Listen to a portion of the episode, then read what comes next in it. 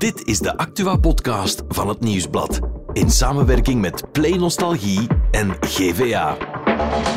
Het is woensdag 27 september en de canvasdocumentaire Godvergeten krijgt een staartje. Het baasje van Katje Lee moet voor de rechter verschijnen en in Essen is er ophef over een heel vreemd verkeersbord.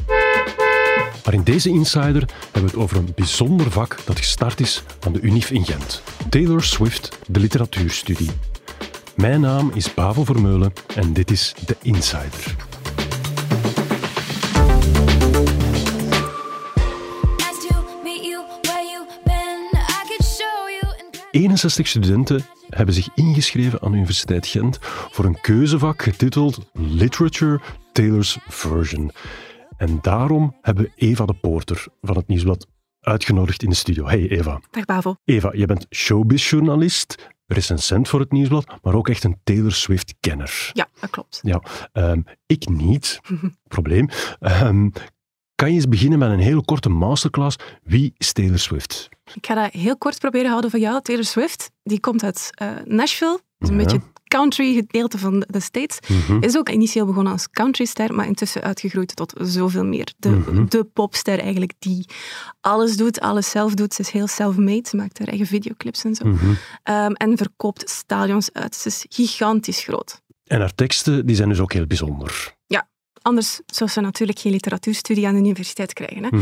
Um, maar het is inderdaad zo. Hè. Wat ze daar bestuderen, is de, de referenties die ze maakt naar klassiekers. Um, ze vergelijken haar ook een beetje met Shakespeare. Ik weet niet of dat je ooit online al een testje hebt gezien van haar, Nee, maar er is eentje. En ik kan u verzekeren, ze geven u dan een quote en jij moet zeggen... Ja, is, het Sh- Shakespeare ja, of Taylor voilà. Swift? En ik kan u verzekeren, ik ben zelf grote fan, maar ik had toch ook een paar antwoorden fout. Ah ja, serieus? Dus ehm, ja, het is, echt, het, is, het is echt moeilijk om het onderscheid nog te zien soms. Dus het is echt wel goed. Eh, ze bouwt het ook gewoon altijd heel goed op, heel verhalend. Ze werkt naar een plot toe, zoals in Mhm. een verhaal. Ja. Ze is heel sterk in haar eh, zogenaamde bridges. Ehm, en daar komt het conflict dat je in een verhaal ook hebt tot Mhm. uiting, waar dat ze naar een einde toe werkt. Dus het is echt heel erg, ja. Literatuur. Lijkt, ja, het lijkt inderdaad eh, klassieke literatuur. Maar misschien is het plezant om eens heel even te luisteren naar een fragment dat dat bewijst.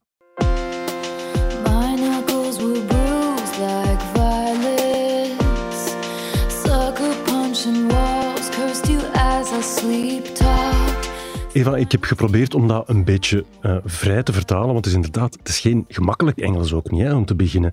Ehm, ze zegt iets als van, mijn knokels waren gekneusd, paars als viooltjes, van het slaan op de muren en het schelden op jou in mijn slaap. Zonder ruggengraat in mijn graftombe van stilte. Dat is inderdaad, Schoon, hè? Ja, dat is inderdaad eh, zeer poëtisch. Maar wat ik dan wil weten, ehm, komt dat allemaal van haarzelf? Hoe oud is ze eigenlijk? Ze wordt ehm 34. Mhm.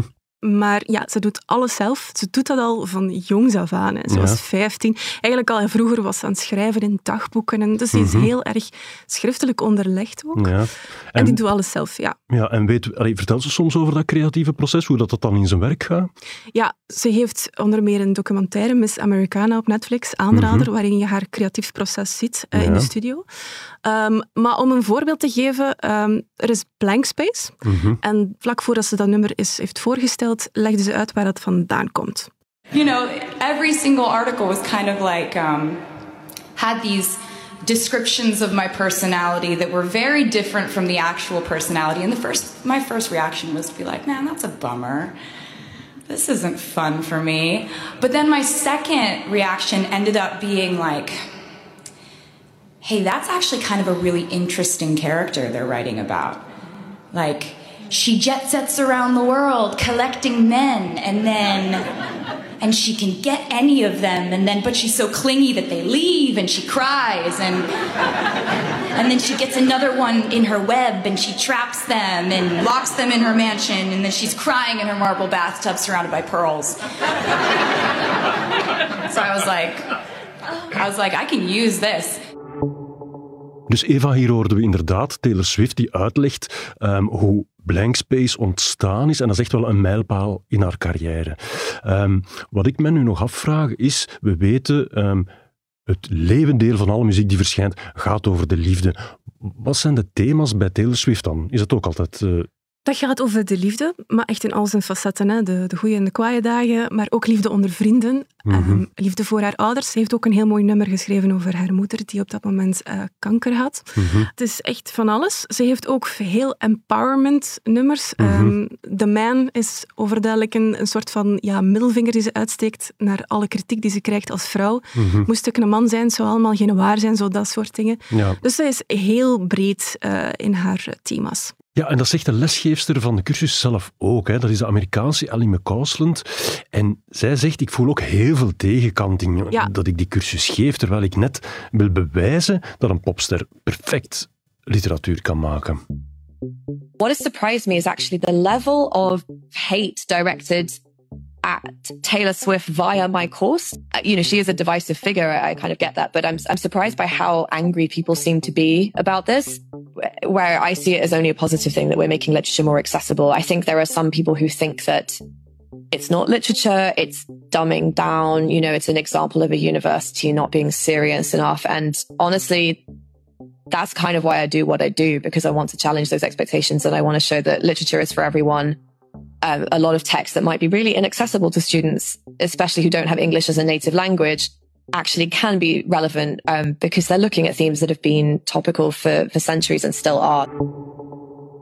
Dus hier hoorden we die lesgeefster van de UGent. En ik begrijp ook, Taylor Swift is een feministisch icoon ook, hè? een beetje een Beyoncé. Beyoncé is nog een ander genre natuurlijk, hè, maar Taylor is echt ook wel iemand die, die daarvoor opkomt. Eh, sinds kort strijdt ze ook politiek. Ik zeg maar, ze roept op om te stemmen. Dat deed ze vroeger niet. Daar was ze een beetje bang voor om echt zo'n standpunt in te nemen. Dat doet ze nu ook. Ja, en welk standpunt neemt ze in? Want ze komt dan uit eh, countrygebied, dat Ja. is dan eh, Trumpkamp. Ja, maar ze is zelf absoluut geen Trump-supporter. Ik her- herinner mij een fragment van haar waarin dat ze te horen kreeg dat Trump haar muziek minder tof vond na een uitspraak die ze had gedaan en ze moest dus lachen. Ehm, maar ze, ze wil gelijkheid voor vrouwen en zo. Ze is daar echt heel erg mee bezig wel. En ze neemt daar veel duidelijker een standpunt in nu ze echt wel... Ja, nu ze kan en ze heeft de vrijheid nu, ze heeft een fanbase nu die haar vertrouwt. Waarom niet, eh, was haar denkpiste toen. Mhm. En ze kan het dan ook nog eens allemaal mooi neerschrijven. Fantastisch, hè? Oké, Eva, het is duidelijk, Taylor Swift is een fenomeen, maar je hebt het er net al een beetje aangeraakt, haar fanbase is dat ook. Hè? Ze noemen zichzelf Swifties, of ze worden Swifties genoemd. Vertel daar eens iets over. Ja, die gaan eh, echt eh, grote lengtes om hun idool eh, te zien, te verdedigen. Ik weet niet of je ooit al filmpjes hebt gezien van de Eras Tour, haar recentste wereldtournee. Nee, nee, nee. Die komt volgend jaar ook naar Europa. Die fans die maken hun kleren zelf, die dossen zich echt uit in elke era. Mhm. Ehm, era is telkens een album natuurlijk, hè. Lover bijvoorbeeld, of Reputation, of Folklore. Die gaan echt heel ver. En Ja. ik heb echt mensen al gezien die maanden aan hun kostuum aan het werken zijn, steentjes aan het leggen zijn op bodies. Het is echt fantastisch om te zien. En ze steunen haar volop. Ze luisteren heel graag naar haar. Ze kopen haar platen een volonté. Ze, is, ja, ze adoreren haar eigenlijk. En verzinnen allerlei theorieën van wat ze prijsgeeft. Het is echt... eh, het is nog zotter dan de mol eigenlijk. Hoe oud ben jij eigenlijk, Eva? Ik ben 32. 31. Klopt het dan ook dat de Swifties, de Taylor Swift-fans, dat dat niet louter tienermeisjes zijn? Dat was vroeger zo, uiteraard. Mhm. Swift was zelf een tiener toen ze begon. Intussen is ze, ze wordt 34 binnenkort. Die, die fanbase is meegegroeid. Ehm, ik heb in het publiek oudere mensen gezien, 40, 50. Ik heb ook kinderen gezien, ook tieners, twintigers. Ik denk de grootste groep is de oudere groep Gen Z, eh, Millennial, was ze zelf ook toe behoort, dat laatste. Ik denk dat dat de grootste fanbase is en diegene die ook het fanatiekste voor haar supportert op dit moment. Maar ze spreekt echt heel veel mensen aan, dat Ja. is overduidelijk. Ja, en denk je dat die fans allemaal ook weten dat haar teksten zo goed zijn, of komen ze louter voor de muziek? Nee, ik wil maar één voorbeeld geven op dit moment. Dat is All Too Well. Er bestaat een versie van die 10 minuten duurt. Die fans kunnen dat van voor naar achter en van achter naar voor meezingen. Ze vraagt ook heel vaak tijdens haar shows van schreeuw mij de teksten naar mijn hoofd. Vooral de bridges van Cruel Summer bijvoorbeeld. En dan hoor je een heel stadion, in Amerika is 70.000 man, zingt dat gewoon echt woord voor woord mee. Dat is waanzinnig.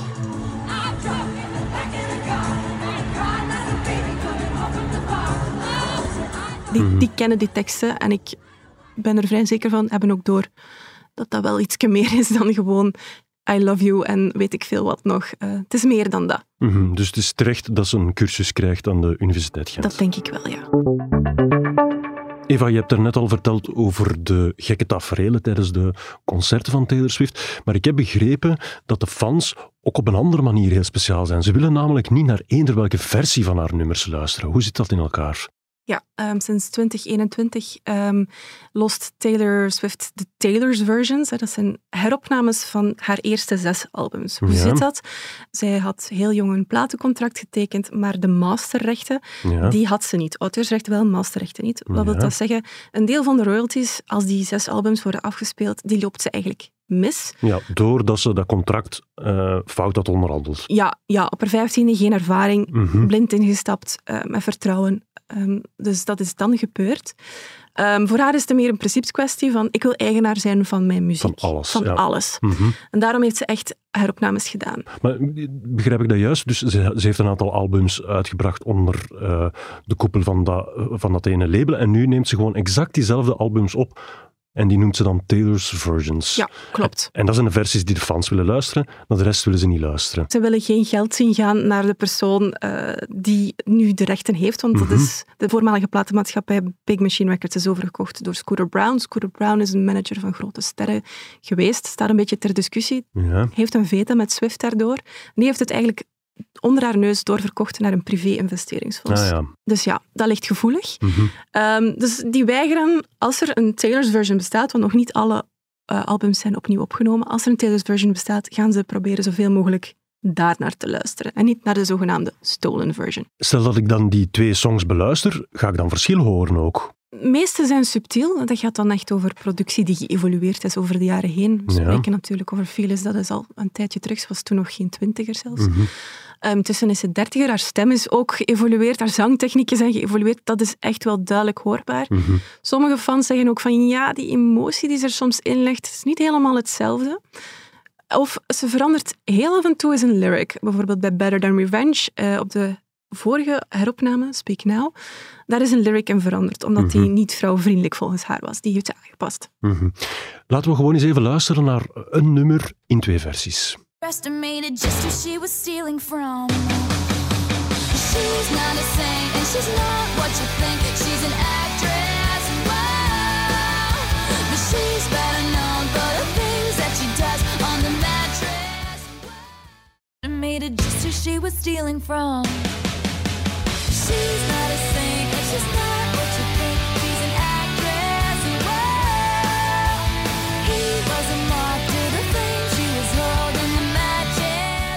Zo hoor je het. Hè. Ze heeft haar muziek echt een update gegeven en je merkt ook dat ze zelf volwassen geworden is, maar haar muziek groeit mee met haar. Mhm, Oké, interessant.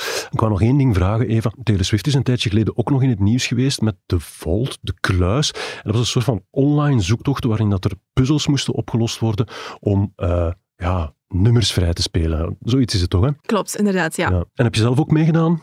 Nee, ik was te laat. Eh, dat waren 89 puzzels die ze gemaakt had, maar die moesten 33 miljoen keren opgelost worden en dan zou ze die nummers vrijgeven. In een mum van tijd was dat allemaal opgelost. Dus, Dat was eh, een online spelletje. Ja, dat was een samenwerking met Google. Ja, ze gaat 1989 opnieuw uitbrengen. En om dat album binnenkort uit, eh, ja, een beetje promo te geven, Mhm. Heeft ze dit gedaan. Dus er moest 11 miljoen keer opgelost worden. En in- 33 miljoen Oeps. keer. Sorry. 33 miljoen en dat was in een oogwenk gebeurd. Dus dat zegt iets Ja. over, de, over de fans. Ja, waanzin hè? Ja, ongelooflijk. Ehm, ik heb veel bijgeleerd, maar ik zou nog één ding willen vragen. Als ik nu naar één nummer van Taylor Swift moet luisteren, dat bewijst dat ze die cursus aan de UNIF van Gent verdient. Welk nummer is dat dan? Champagne Problems van Evermore. Oké, en waarom? Ik ga toegeven, het is, het is een persoonlijk favorietje ook, maar ik vind het gewoon heel erg mooi hoe ze daar het verhaal vertelt van hoe ze gevrongen zit in een relatie en ze denkt dat ze iemand niet gelukkig kan maken. En die persoon, ja, die denkt van, waarom niet? En in het dorp denken ze, ja, ze heeft allerlei issues. Champagne problems, zoals ze Mhm. in Amerika zeggen. Dat is eigenlijk een metafoor. Voilà, kijk, daar heb Mhm. je het al. Ehm, en ze brengt dat zo mooi en zo poëtisch. En die opbouw zit echt heel mooi. Ik zeg te veel mooi, maar het is ook mooi. Eh, maar het is echt, ik zeg het, het is zodanig opgebouwd dat je het schrijnendere eraan ook ziet en hoort. En ze brengt dat met zoveel passie en gevoel. Je gelooft het verhaal, je zit in het verhaal, je beleeft het verhaal. Dat is eigenlijk haar kracht. En dat nummer bewijst dat echt 100%. Oké. Ik ga het opzoeken op Spotify en ik zal dan zien dat ik de juiste versie pak. Daar is maar één versie van, gelukkig. Ah, oké. Merci Eva. Graag gedaan. Voor het andere nieuws van de dag is producer Nathalie er komen bij zitten. Dag Bavo. Hey Nathalie. De Canvas-documentaire God Vergeten. The Catholic Church has been engulfed by an extraordinary new crisis. This time in Belgium. The scale is startling. Over misbruik in de kerk ehm, is gedaan, maar heel dat verhaal krijgt nog een staartje, heb ik begrepen. Ja, en iedereen die het gezien heeft, is, is terecht heel erg verontwaardigd. hè. Heel heftig allemaal. Mhm. Eh, trouwens, niet alleen over de feiten, maar ook over de doofpot van de kerk. Mhm. En daar komt nu reactie op. Want ja, gisteren was er al eh, Johan Bonny, Antwerps Ja. bisschop, die zat in de afspraak, die de reeks en de feiten zelf zinsverbijsterend noemde. Mhm. Maar er is ook reactie uit politieke hoek. Ja. Zowel vooruit Groen als Open VLD zijn nu vragende partij voor een nieuwe parlementaire onderzoekscommissie over seksueel misbruik in de kerk. Mhm. Eh, omdat de slachtoffers van dat seksueel misbruik niet alleen ja, misbruikt zijn door priesters, maar nadien ook werden uitgelachen door de kerk en door het gerecht aan hun lot werden overgelaten. Ja, dus als ik het goed begrijp, is er al eens een onderzoekscommissie geweest naar eh, operatie Kelk. Ehm, maar dat willen ze dus nu opnieuw en beter doen. Ja, die commissie van toen werd zelfs een beetje weggelachen. Ze zouden het nu en willen het nu veel serieuzer aanpakken, blijkbaar. Oké, en Nathalie, er is ook nog een ander verhaal dat een vervolg krijgt, namelijk het verhaal van Katje Lee. Ja, dat was nogal een soap drie jaar geleden. Hè? Ja, Eh, Selena Ali die had toen de straatkat meegesmokkeld in haar valies na haar stage in Peru. En Ja. ja, dat mag allemaal niet natuurlijk. Dat Mhm. heeft met, met vaccinaties en weet ik veel wat allemaal te maken. Mhm. Eh, het hele land stond toen in rep en roer. Hè? Ja, ja, klopt. We hebben er heel veel over geschreven. Ja, wel, die, die zaak krijgt nu nog een, een staartje, een kattenstaartje, moeha. Eh, ze heeft toen al een boete betaald van 1600 euro, omdat ze de kat heeft verstopt toen de politie bij haar was binnengevallen. Ze Mhm. wilde die kat toen meenemen. En nu roept het Antwerpse gerecht haar alsnog op, omdat ze haar willen straffen voor het verbergen van Katje Lee toen. Gisteren was er al een eerste korte zitting en in november volgen de eerste debatten. En Nathalie, Katje Lee is ondertussen geen katje meer. Nee, dat is al een eh, flinke kater ondertussen, maar helemaal happy. Dat beestje heeft nergens last van. Nou, oké. Tot slot, in Essen is er verwarring ontstaan rond een verkeersbord. Ja, dat is iets. Dat is een beetje onnozel eigenlijk. In de Kerkstraat, daar in Essen, hangt een verkeersbord waar niemand iets van snapt, Pavo. Het is blauw met in het midden een wit vierkant en daaronder het bordje 100 meter. Ja, Het slaat nergens op. Niemand die weet wat de bedoeling is. ja. Ehm, en ja, de fantasie van de mensen slaat dan een beetje op hol ja natuurlijk. hè. van wat is er 100 meter verder dan Ja. te zien? Is het een wit gat in plaats van het zwarte gat over 100 meter? Of het geld is op, vul het bord zelf maar in. Ja. Ja. En weten we nu eigenlijk wat er hoort te staan op het bord? Ah, wel, ja, het valt eigenlijk tegen hoor. Want de plaatselijke schepen van mobiliteit heeft klaarheid in de zaak geschept. Oorspronkelijk stond er nog een i op het bord, ja, maar die is verdwenen.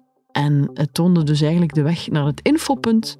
Maar in plaats van info gaf het nu vooral verwarring. Maar het komt allemaal goed, ze gaan het terug overschilderen. ja oké.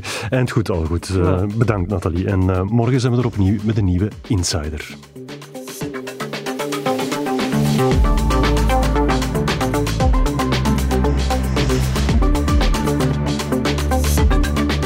Dit was The Insider, een podcast van het Nieuwsblad in samenwerking met Play Nostalgie en GVA.